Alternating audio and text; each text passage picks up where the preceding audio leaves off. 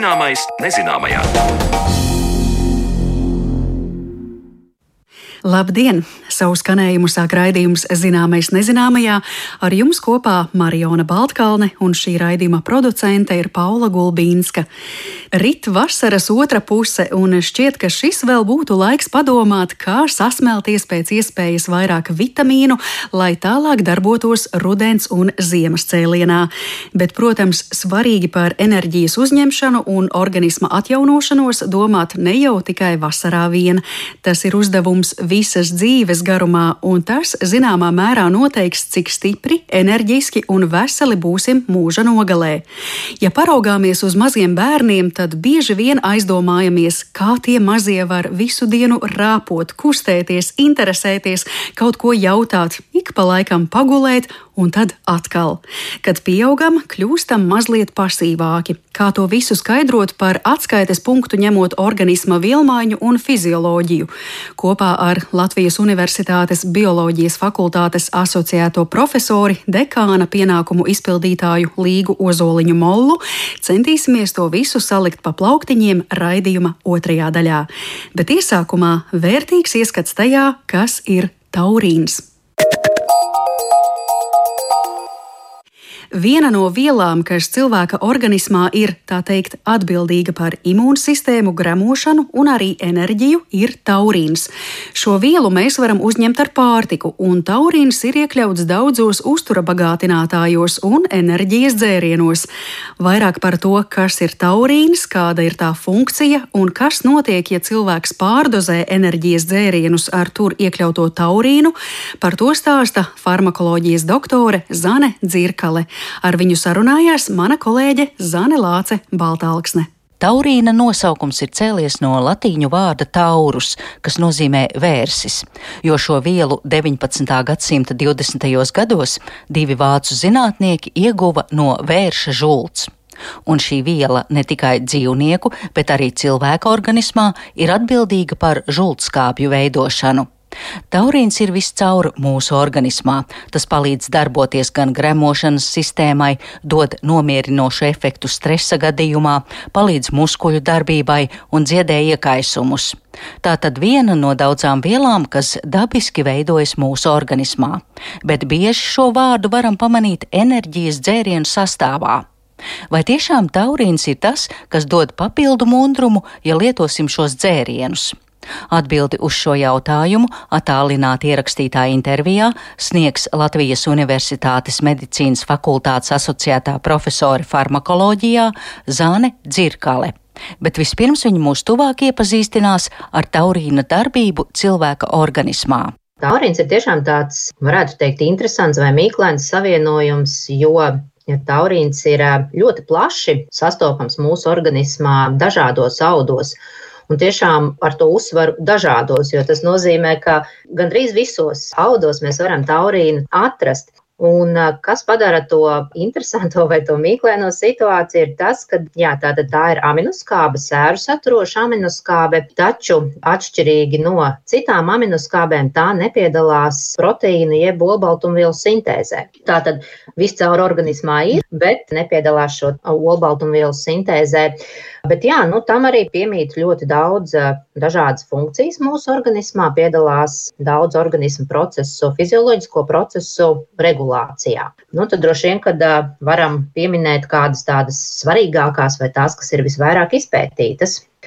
Nu, viena no tādām galvenajām taurīna funkcijām ir tas, ka piedalās žultskāpju veidošanā. Tātad tas ir ļoti būtiski tieši gremošanas procesos, tātad, lai normāli notiktu šie gremošanas procesi. Un līdz ar to arī ļoti liela nozīme ir tauku šķistošo vitamīnu uzsūkšanās procesos. Taurīnam interesanti arī piemīt tātad nu ne tikai tā loma kā saka, perifērijā organismā vai viscaur dažādās šajās orgānu sistēmās, bet arī centrāli, proti taurīnam tiek piedāvāta arī neirotransmitera funkcija. Ko tas nozīmē?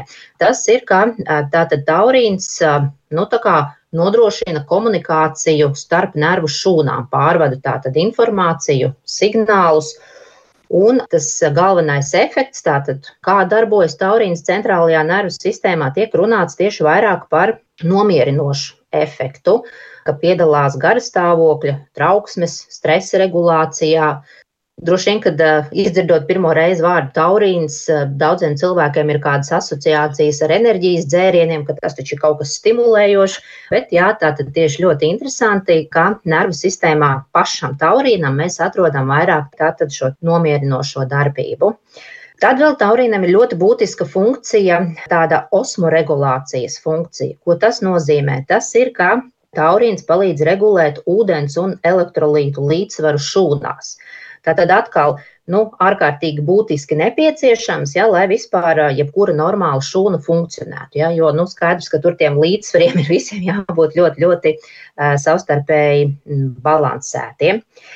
Tad ir atrasta arī antioksidanta darbība, pretiekaisuma darbība.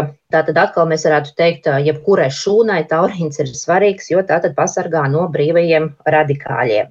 Ir arī diezgan daudz pētījumu par to, ka ir pozitīva iedarbība uz sirds asinsvadu sistēmas funkcionēšanu, asinsspiediena regulāciju, un taurīns ļoti augstās koncentrācijās ir atrodams skeleta muskuļos. Tur taurīnam ir nozīme tieši šo muskuļu kontrakciju nodrošināšanā un vispār muskuļu darbībā. Taurīnu mēs varam uzņemt ar pārtiku, un, kā jau sākumā minēju, tas ir minēts kā viena no galvenajām sastāvdaļām enerģijas dzērienos. Bet, kā dzirdējām Zānes Dzirkalas stāstītajā, ja taurīns sniedz nomierinošu efektu, tad kā tas vienlaikus var radīt arī mundrumu? Farmakoloģijas profesore turpina stāstīt par taurīnu pārtikā un minētajos dzērienos. Taurīns ir ļoti plaši dzīvnieku valsts uzturā gaļa, zivis satur taurīnu, arī piena produkti. Tātad ikdienas normālais uzturs mums nodrošina pilnībā taurīnu uzņemšanu.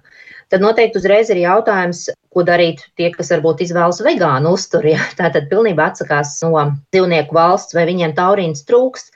Nē, taurīns var tikt sintēzēts arī mūsu organismā no citām aminoskābēm no cisteīna un metionīna. Līdz ar to arī tātad neuzņemot, piemēram, šos eh, dzīvnieku valsts produktus, ja tāpatās organisms sintezē taurīnu. Bet jā, tātad par to papildus arī skatoties tādu nu, regulatīvo iestāžu, kas ir eh, Amerikā pārtikas un eh, zāļu aģentūra un līdzīgi arī Eiropā, kas tātad atbild par šīm uzturvielu uzņemšanu, regulē nu, tātad rekomendācijām. Nekur netiek minēts, ka taurīns cik obligāti būtu jāuzņem. Jā, ja mēs teiksim par vitamīniem, ka mums tur vajag tik miligramus to vai D vitamīnu tik mikrogramus, tad taurīnam šādas normas vispār netiek noteiktas, jo tātad ar pārtiku uzņemam pietiekami, ja neuzņemam ar pārtiku, organisms sintezē no citām izēvielām. Nu, tad, atgriežoties tad par enerģijas dzērieniem, Nu, tur tomēr laikam pamatā to enerģiju, jeb to stimulējošo darbību dod kofeīns un glikoze, nu, cukurs, ja, kas arī ir pietiekami daudz. Un Jā, skatoties dažādus šos pētījumus, tad jāpieminēja to, ka varētu būt svarīga tieši muskuļu darbībai taurīns. Jā, ir tādi pētījumi, tas to parāda. Nu, ja mums ārkārtīgi būtiski vajag tiešām šo te tieši muskuļu spēku uztrenēt, tad iespējams mēs varam apsvērt, jā, uzņemt papildus vairāk. Bet, ja mēs tieši domājam par tādu stimulējošo darbību, nu, tā tad uz smadzenēm, uz centrālo nervu sistēmu, tad um, kofeīns būs tas, kas dos to efektu. Kāpēc tas taurīns tur ir pievienots, to neviens līdz galam nevar atbildēt. Jo arī, protams, tad jautājums, vai taurīnu var pārdozēt un kādas tad varbūt ir tās bīstamās reakcijas. Un arī tur literatūrā nu, nav tādas viennozīmīgas atbildes. Protams, jā, ir redzēts, ka ir kaut kādas sirdsdarbības traucējumi, nu, neregulāra sirdsdarbība, paaugstināts asinsspiediens. Un tomēr Katrā šajā pētījumā tiek uzsvērts, ka visticamāk tas ir kaut kāda tā kā miedarbība kopā ar kofeīnu. Viss vairāk tomēr tiek likts uz to kofeīnu, jo tīri no paša taurīna neviens neapgalvo, nu, nespēja, teiksim, tā viennozīmīgi pateikt, ka tā būtu taurīna īpašība. Vēl ko es varbūt nepieminēju, arī nu, salīdzinoši augstās koncentrācijās taurīns ir atrodams tīklenē, tīklenes šūnās. Un uh, ir arī diezgan daudz pētījumi, ka iespējams tā tad taurīna papildināšana varētu nu, aizkavēt šo tīklenes šūnu novecošanos un arī pie diabēta izraisītiem acu, jeb redzes pasliktināšanās. Tā tad varētu būt noderīgi. Tā, kā, jā, tā ir vēl viena tāda joma, kur skatās taurīna pozitīvās īpašības. Tātad, apkopojot farmakoloģijas profesores Zānes Dzirkales sacīto, saprotam, ka taurīns nav nekāds brīnumlīdzeklis papildus enerģijai. Kā uztura bagātinātāji to var lietot, bet īpaša nepieciešamība pēc taurīna papildus devas cilvēkam nav, ja vien ārsts to nav noteicis kā redzes vai muskuļu spēku uzlabotāju. Un sižeta noslēgumā viens interesants fakts no dzīvnieku pasaules. Mājas kaķu organismā šī viela neizstrādājas, un tāpēc šiem dzīvniekiem to ir nepieciešams uzņemt ar barību. Par to turpina stāstīt Zāne Dzirkale. Kaķiem tiešām sliktāk veidojas taurīns. Nu, nav tā, ka nemaz neveidojas, bet jā, tiešām kaķa organisms nepietiekami spēj pats sintēzēt taurīnu.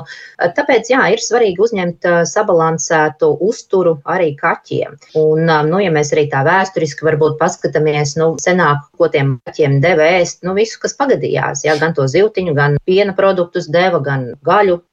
Un tagad viss ir pārvirzījušies uz specifiskajām barībām.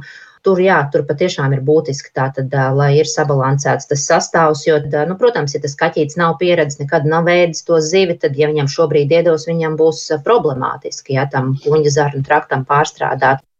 Tāpēc, iegādājoties speciālo kaķu barību, šo mājdzīvnieku īpašnieki nemulstiet, redzot tās sastāvā uzrakstu taurīns. Ja dzīvnieks mielojas tikai ar šādu maltīti, tad tas nav reklāmas triks, kā enerģijas dzērienu gadījumā, bet tiešām nepieciešamība pēc šīs vielas.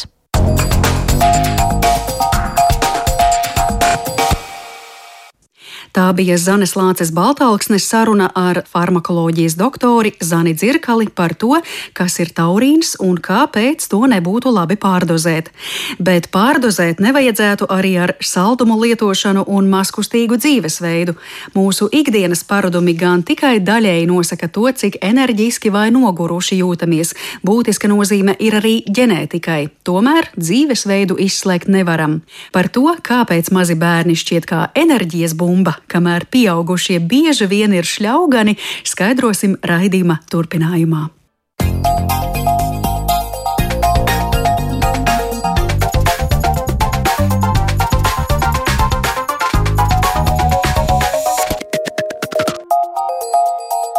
Zināmais nezināmajā. Neviens vien vecāks, vērojot savas mazās atvases, brīnās, kur bērni rod enerģiju tik daudz skriet, lekt un kustēties. Un kāpēc, kļūstot vecākam, šī vēlme būt nemitīgā kustībā un aizrautībā izplēna?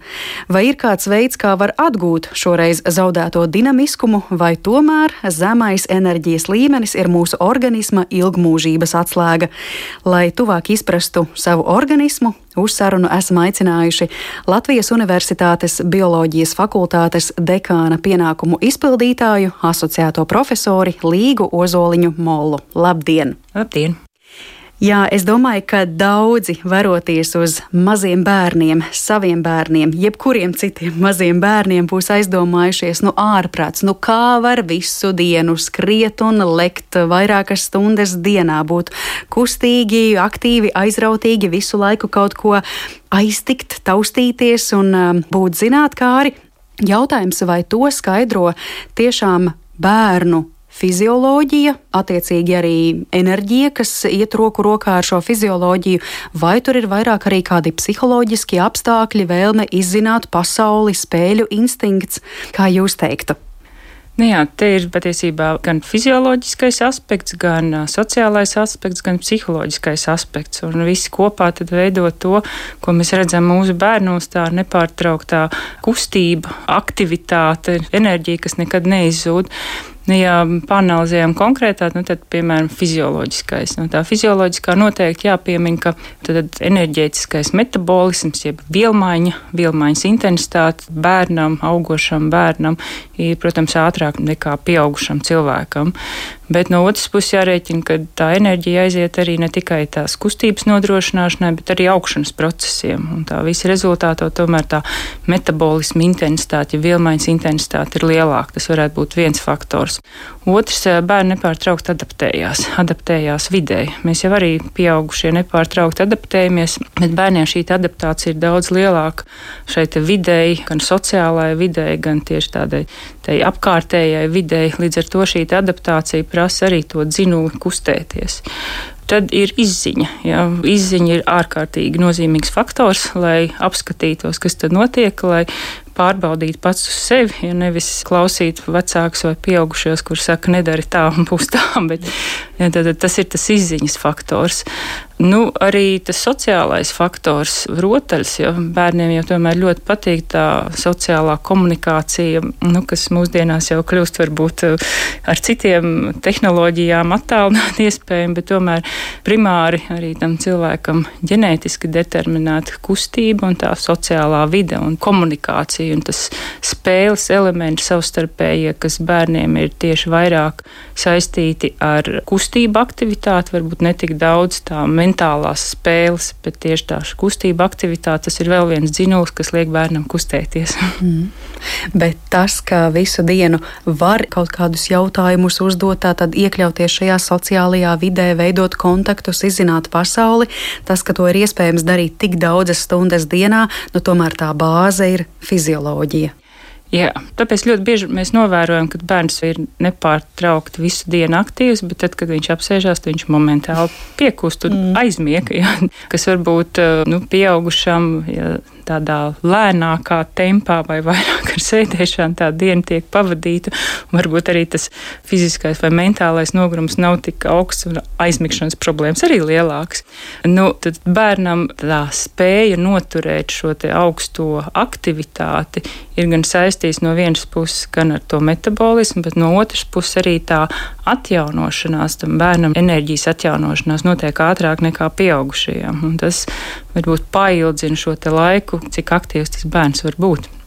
No tās visas plašās fizioloģijas klāsta, kas būtu tie galvenie stūrakmeņi, kas eh, bērnam fizioloģijā palīdz, nu, piemēram, prasmē efektīvāk izmantot skābekli, efektīvāk izmantot miega stundas, kuras bērns guļ, vai varbūt kalorijas, kuras mēs gūstam caur apēsto ēdienu. Jo tajā pašā laikā mēs zinām, ka bērna ķermenis taču arī ļoti intensīvi aug, smadzenes aug, viss aug, un tad, tad enerģija ir arī ļoti daudz jātērē, vajadzību ir ļoti daudz, bet liekas, ka tās rezervītes, ko uzkrāt no tā, kas tiek iegūts, miegs, ēdiens, bērniem būtu lielākas.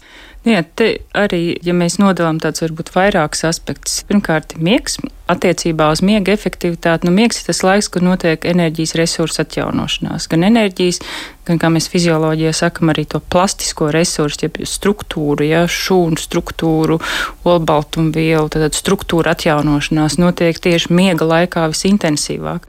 Un, ņemot vērā to, ka bērnam ir metabolisms intensīvāks, līdz ar to tie atjaunošanās procesi notiek, notiek ātrāk. Līdz ar to, ja mēs rēķinām tās pašas stundas, miega stundas pieaugušam un bērnam, bērnam tomēr īsākā laikā viņš atjauno enerģiju un struktūras intensīvāk. Ir arī nu, tādi pavisam fizioloģiski faktori attiecībā uz skābekļa izmantošanas efektivitāti jo pamatā mums tomēr vielmaiņa un enerģijas atjaunošana notiek sakam, aerobijos apstākļos, jau oksidatīvā fosforilācijā.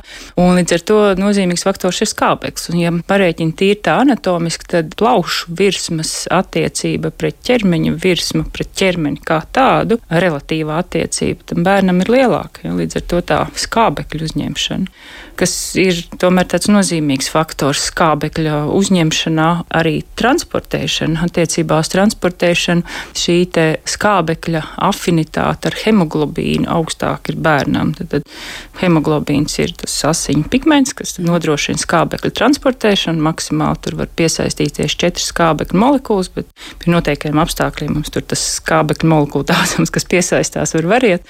Nu, lūk, šī afinitāte skābekļa piesaistē ar hemoglobīnu, kas nodrošina transportēšanu, bērniem arī ir augstāka nekā pieaugušiem. Līdz ar to no šis enerģijas stūrakmeņa skābekļa uzņemšana un piegāde ir efektīvāk. Mm, jā, tas ir visai būtisks stūrakmenis. Jā. Un kā ar apēsto ēdienu, kalorijām, sadedzinātajām? Bērns uzņem kalorijas ar ēdienu, tāpat kā pieaugušais. Gramošanas procesa rezultātā uzņem kalorijas, bet, ja tas kaloriju daudzums nu, nav pārāk liels, tad tās enerģijas rezervēs tas neaiziet. Tad ir tā uzreiz nonākot cirkulācijā, arī tā transportēšana līdz šūnai, kas arī nu, tam bērnam tomēr ir tam jaunam organismam ir efektīvāka. Mm. Ir dzirdēts tāds teiciens, un arī internetā ir raksti par šo tēmatu, kas angļu valodā saucas sugar madness, jeb eh, cukura glikozes trakums. Un bieži vien arī ikdienā saka, nedodiet bērniem tik daudz saldumu, konfekšu, jo tad viņi paliek traki, tad viņi visu dienu skraida riņķī. Tas tad sanāk ir vēl viens stāsts, ka lūk saldumi, glikoze iedod bērniem lielāku enerģiju, kā rezultātā viņi tiešām tās 8, 10 vai vairāk stundas to enerģijas līmeni var noturēt ļoti augstu.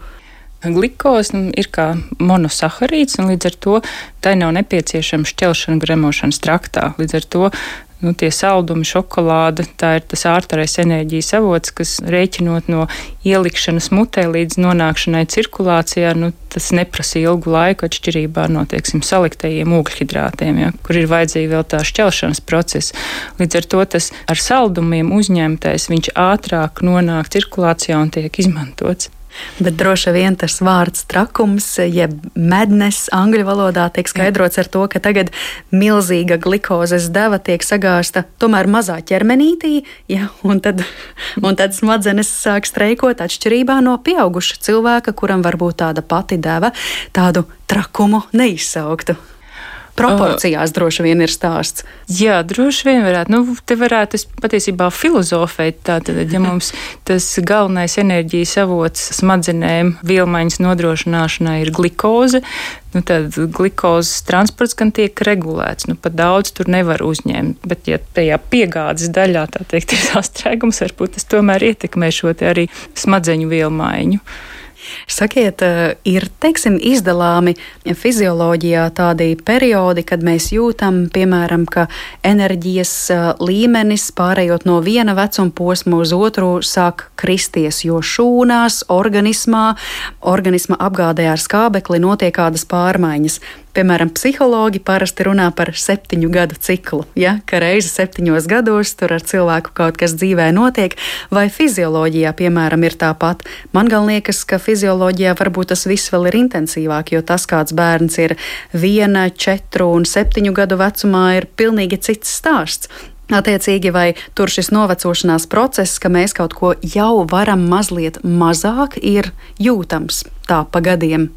Jā, tad droši vien, kad es skatītos kopā šo bērnu attīstības psiholoģiju attiecībā uz izziņu, jo izziņas process ir viens no tiem dzinuļiem arī, kas stimulē kustēties, fiziski un mentāli kustēties.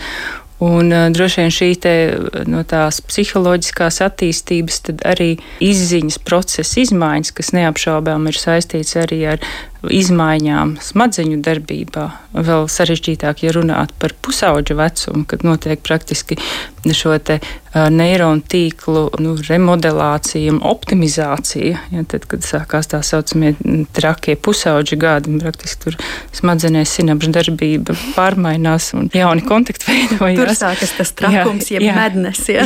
jā, jā, jā. Dažādos vecuma posmos ir arī atšķirīgas šīs hormonālās ietekmes līdz līdz ar to arī šī darbība ietekmē fiziskās aktivitātes. Kādi procesi mūsu organisma šūnās nosaka to, ka pieaugot jā, sākumā pusauģu vecuma posmā, pēc tam jau pieaugušā vecuma posmā mums enerģijas daudzums zūd. Vai tas ir saistīts, piemēram, ar mūsu šūnu spēkstacijām, mitohondrijiem, ka tie sāk novecoties, vai varbūt tie sliktāk sāk pildīt savu funkciju? Kur ir tā atslēga, ka mēs vairs tomēr nu, nespējam tik daudz kā tie mazie bērni? Jā, nu, tāds novecošanās process, un gribētu teikt, enerģijas arī nu, tāds pamanāms samazināšanās process. Droši vien, ka ne tajā jaunajā, pieaugušajā vecumā, bet nu, jau drusku stabilākā pieaugušajā vecumā. Un, jā, tas ir saistīts pavisam noteikti ar šūnu novecošanos, ar mitohondriju. Jo, ja skatāmies vēl tādā krietni lielākā vecumā, pirmkārt, mitohondriju daudzums šūnās samazinās. Ja, līdz ar to tas enerģētiskais metabolisms, mēs sakām, vielmaiņa samazinās. Un kāpēc samazinās vielmaiņa? Viens ir tādēļ, ka samazinās audu proporcijas un tā aktīvie metaboli, aktīvie audu muskuļu proporcija samazinās, bet no otras puses arī pašu mitohondriju daudzums šūnās samazinās.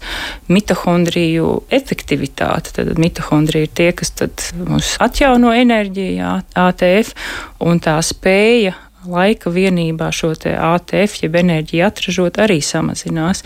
Un līdz ar to nu, cilvēkam, protams, novecojoties, ņemot vērā, ka samazinās gan metabola aktīvo vielmaiņu ziņā, aktīvo audu masa un pašas izmaiņas šūnā, tad, protams, tas metabolisms samazinās, mēs paliekam lēnāk, kūtrāk, izziņas vajadzības arī samazinās.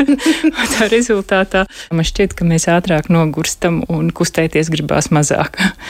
o, redz, kāds interesants stāsts par mitohondriju nāvi, varētu teikt tā, kurā brīdī tad viņa tā sāk pamirt un neatjaunoties.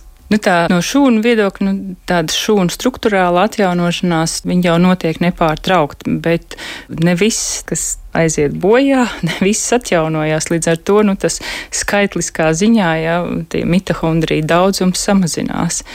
Tādus precīzus skaitļus es pat baidītos nosaukt, tādēļ, ka tas arī tomēr ir diezgan individuāli, bet nu, mēs uzskatām tādu nu, straujā novecošanās parasti ir pēc 60 un vairāk, bet praktiski tādas jau novecošanās pazīmes, tās ir agrākā vecumā, 40 varbūt agrāk gadu. Mhm, kas ir īstenībā visai agri. Un droši vien šeit to lomu arī spēlē ģenētika. Kad, kuram, cik gados tie mitohondriji sāks pamirt, ja, un tas enerģijas līmenis samazināsies. Jā, ģenētika ir ārkārtīgi nozīmīgs faktors, jo, ja mēs salīdzinām dažkārt nu, cilvēkus vienu vecumu, cilvēkus, nu, liekas, nu, viens ir enerģijas pilns un kūsā, un cits jau tādā pašā vecumā neko vairs negrib darīt. Jāsaka, protams, ka ir šie abi ārējie faktori, dzīvesveids un ģenētiskais faktors.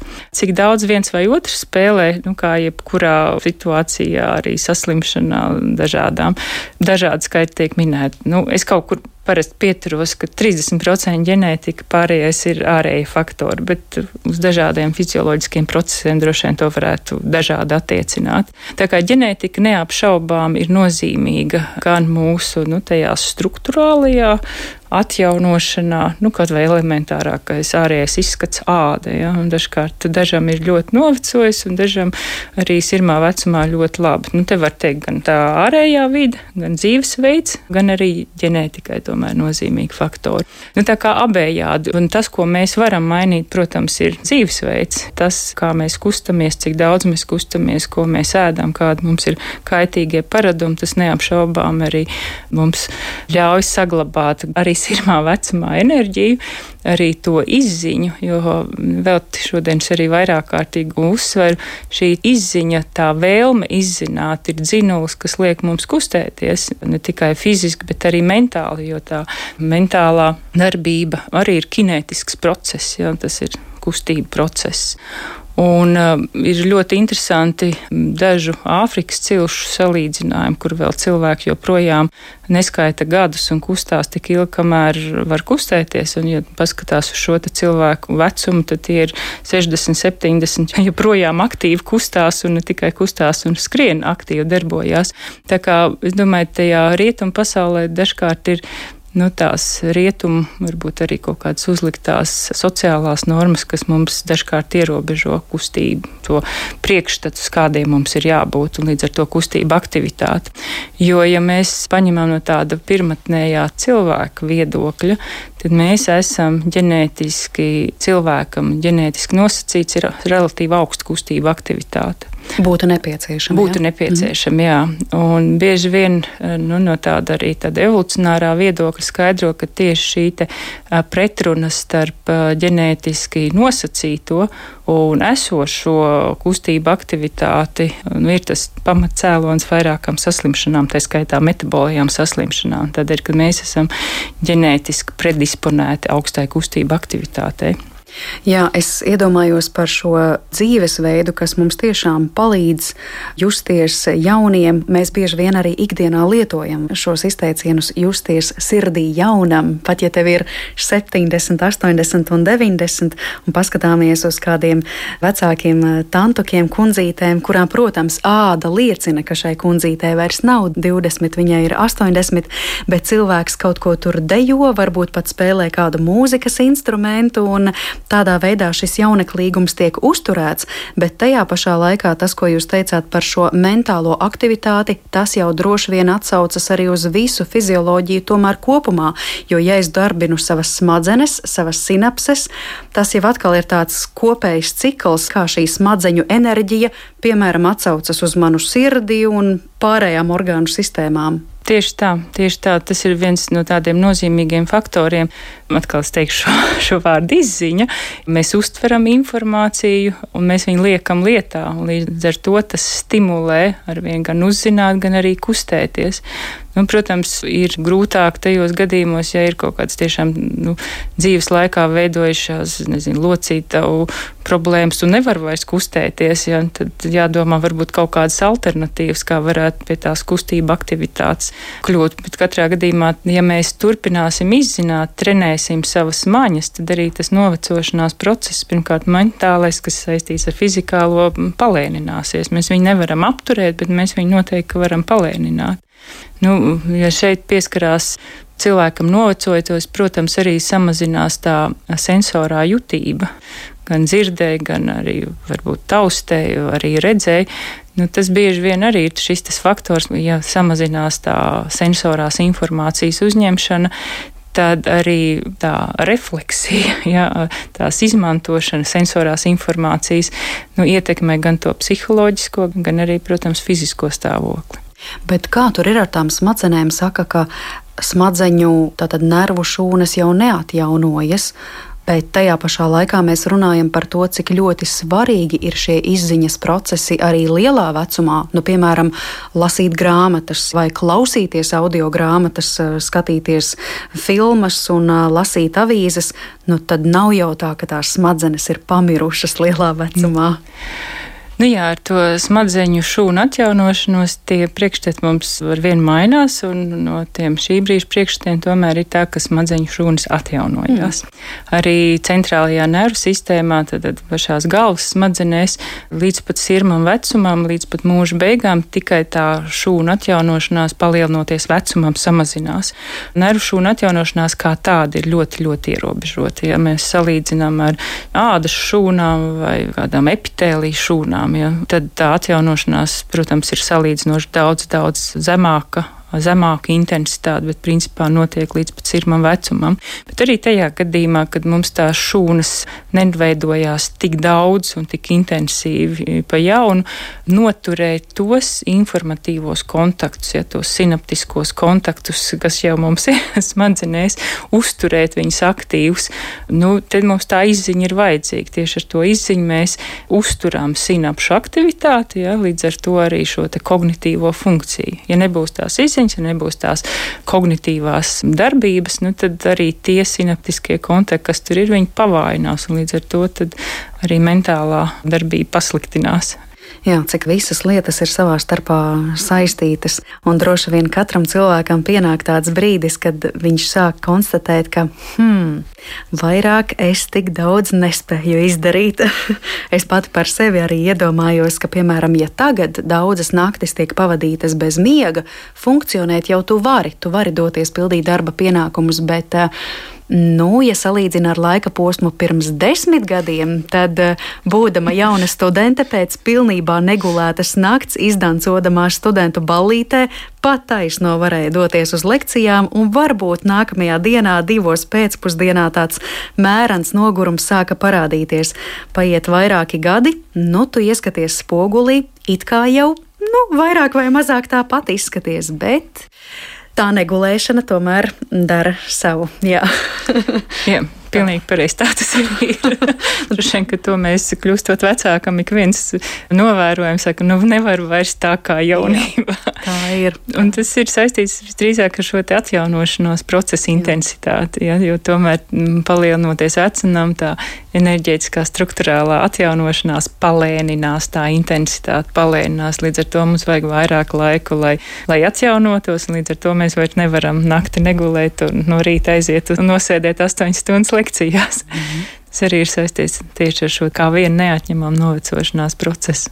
Vēl, ja runājam par eh, pieaugušajiem, tad eh, attiecībā uz pieaugušajiem noteikti daudz aktuālāks jēdziens ir liekais svars. Un te es atkal gribētu jautāt, vai šī liekā svara tendence saistīta ar to, ka kļūstot vecākiem mums tas eh, metabolisms palēninās, un kāpēc tas liekais svars mums nedod enerģiju, jo tās taču ir rezerves.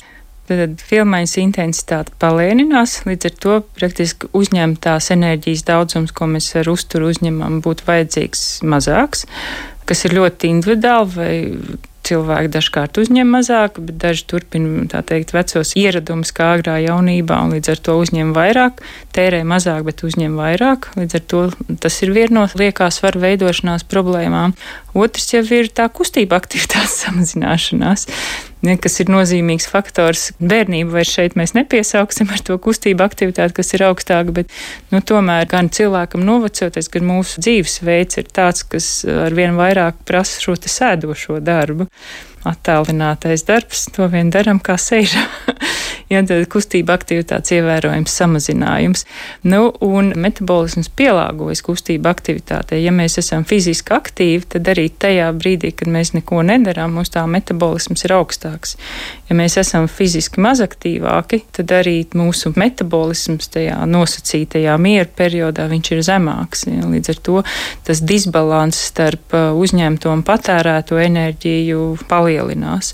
Ne gan jāsaka, ka aptaukošanās cēloņi ir plaši pētīti un joprojām nav tādi viennozīmīgi, kas tad ir tas cēlonis un iemesls, bet dažkārt tā var būt arī šī ģenētiskā noslieca, jo mēs ļoti labi zinām, ir cilvēki, kuri, nu, varbūt var nepārtraukt ēst un, un nekas nenotiek, un visa kaut kur enerģija izplēna, un savukārt citam pietiek apskatīties uz ēdienu jau palielinās svars. Tad nozīmīgs ir tas arī tas ģenētiskais faktors. Bet tad varbūt atkal ir mānīgs tas vārdu salikums, ka mēs sakām, man ir tauku rezervītes. Nu labi, rezervītes ir, bet nekādu enerģiju tās rezervītes nedod dod, dod, ja mēs siltumu tieši varbūt dod. Jā, dod siltumu. Tomēr, ja ir samazinātā kalorāža, uzņemam mēs pārāk maz šo kaloriju, nu tad kur tā enerģija pirmkārt tiek ņemta? Tas, kas ir pieejams šūnām tūmā, ja no cirkulācijas, no šūnstarpa telpas, bet ja arī tur samazinās, nu tad ir jāsāk ņemt ārā no tām enerģijas rezervēm, kas ir tauku rezervēs. Ja, tad ir jādabūna tas no tauku šūnām uz cirkulāciju, un tad uz asinīm, un tad asins rit aiznēsā. Bet mums ir arī dažādi tauki. mums ir tie zemādas tauki, ko mēs katrs tur varam labi sataustīt, un tad mums ir tā saucamie viscerālie, jeb iekšējie tauki. Un tie lipolīzes procesi, tad lipīdu, tur uzglabāto lipīšu šķelšanas procesi ir atšķirīgi dažādās tauku depo vietās. Un te gan jāsaka, ka tie, kas ir vairāk piekšējie taukaudi, tauku šūnas taukaudi, viņi ir lipolītiski aktīvāki. Tas nozīmē, ka tur šie te tauku šķelšanas process un atkal tā nogādus cirkulācija notiek intensīvāk. Līdz ar to tos zemādus taukus ir grūtāk nodzīt nekā viscerālos, bet viscerāliem taukiem ir citi sliktumi. Ja, jo tās brīvās taukskābes, kas šķelšanas procesā veidojās, viņas pat taisno aiziet uz aknām vispirms un tad sekmē arī gan insulīna rezistences veidošanos, gan varbūt tādos ekstrēmākos gadījumos arī treknās aknas veidošanos. Tā kā ar tauku rezervēm nu, ir uh, sarežģīti, bet ja tiešām mums ir tāda zemes kalorāžas diēta, nu, tad uh, tomēr no tām tauku rezervītēm tiek ņemts ārā. Nu jā, tādā ikdienas aktivitātē, kad ir jāsporto, tad liekas, oi, nu tās rezerves vairāk traucē mm. nekā palīdz. Jā. Bet tā dabiskā vēlme bērniem kustēties vairāk un pieaugušajiem mazāk, tas arī ir saistīts ar to, ka organisms kaut kā mūs taupa.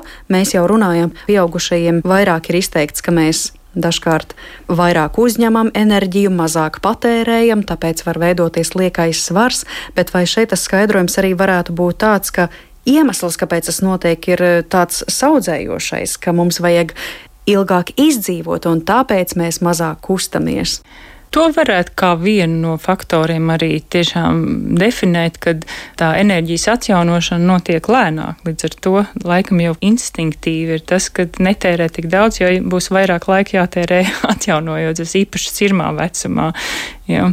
Tas varētu būt viens no faktoriem. Ja, kā jau mēs sākumā runājām, ka tur ir gan tie fizioloģiskie, gan arī daudz sociālo un psiholoģiskie faktori, un šis varētu būt arī viens no tādiem psiholoģiskiem, fizioloģiskiem. Jā. Mēs taupām sevi, tāpēc, ka atjaunošanās notiek lēnāk. Un vēl es sarunas noslēgumā gribētu atkal pieskarties psiholoģiskajam aspektam. Iespējams, kaut ko nosaka arī tas, ka mēs kā pieaugušie sevi automātiski ieprogrammējam, ka nu, man ir jāuzņemas atbildība par vienu vai otru lietu, par vienu vai otru cilvēku, un tas arī automātiski ietekmē to, cik daudz un kā es savu enerģiju uzņemu un kā es to patērēju. Bērni droši vien tādās kategorijās nedomā. Jā, bērniem nav tik daudz tās kavēšanas un uh, kaut kādu sociālo normu uzlikto, ko mēs paši ikdienā varbūt sev uzliekam. Līdz ar to tiešām kavēšanas procesi, kas aizliedz darīt kaut ko, bērnam vai nu nepastāv, vai nu to ir mazāk. Un tomēr pieaugušam cilvēkam tās sociālās normas uzliktās, kā pieminētā, tā varētu būt arī tā atbildība, par ko mēs uzņemos par darbu noteikti, par citu personu, nu tā ierobežo. Ierobežo gan to kustību aktivitāti, gan arī, kā teikt, mēs izskatāmies sabiedrībā varbūt. Un tas droši vien nosaka, ko es ēdu un cik kafijas tasītes izdzeru, lai Jā. sevi turētu līmenī. Bet visbeidzot, vai tādi uzturzinātnieku vai kopīgu zinātnieku grupas darbības rezultātā ir izstrādāti, piemēram, ieteikumi, kādi produkti sniegtu visvairāk enerģiju, piemēram, šādā vecumā, trīs gados, pēc tam desmit gados un tad divdesmit gados. Jo iespējams es savā pašreizējā vecumā tērēju tādus produktus, kuri īstenībā man to enerģiju nu necik nesniedz. Nu, Tādus vispārējos vilcienos ir arī Latvijas Republikas Veselības ministrijas izstrādātie ieteikumi veselīgam dzīvesveidam, tā skaitā arī veselīgajam uzturam. Tur ir šīs vispārējās nostādnes. Nu, tad produktu tieši kaut kādam ieteikumi konkrētam vecuma grupai, un es pat teiktu, nu, konkrētai valstī vai geogrāfiskam reģionam, laikam tomēr tāda nebūs. Bet tas būtu labs priekšlikums, teiksim, uzturas speciālistiem pie tā strādāt. Jā, un īpaši skatīties, kas no vietējiem produktiem ir izmantojams tāds, lai pēc iespējas vairāk uztētos un justos enerģisks, lai tiešām tās kafijas buņģiņas nav cita pēc citas jāpatērē. Liels jums paldies par eh, šīs dienas sarunu, tādam enerģijas ceļojumam no mazu bērnu organisma līdz pieaugušajiem un līdz senioriem. Izgājām un eh, centāmies saprast, cik daudz tad to lomu spēlē ģenētika, mitohondrija un mitohondriju nāve, un, protams, arī psiholoģija un mūsu dzīvesveids. Un, eh, jā, galu galā secinājums, ka tas cits citu ietekmē. Kādā brīdī viens svaru kauss var noslēgties vairāk, cits mazāk, bet eh, droši vien visi esam atkarīgi no visiem faktoriem. Es atgādināšu klausītājiem, ka šodien zināmais nezināmajā studijā viesojās Latvijas Universitātes bioloģijas fakultātes dekāna pienākumu izpildītāja asociētā profesore Līga Ozoliņa Molla. Paldies jums par sarunu! Un paldies arī jums, klausītāji, par pievienošanos mūsu raidījumam.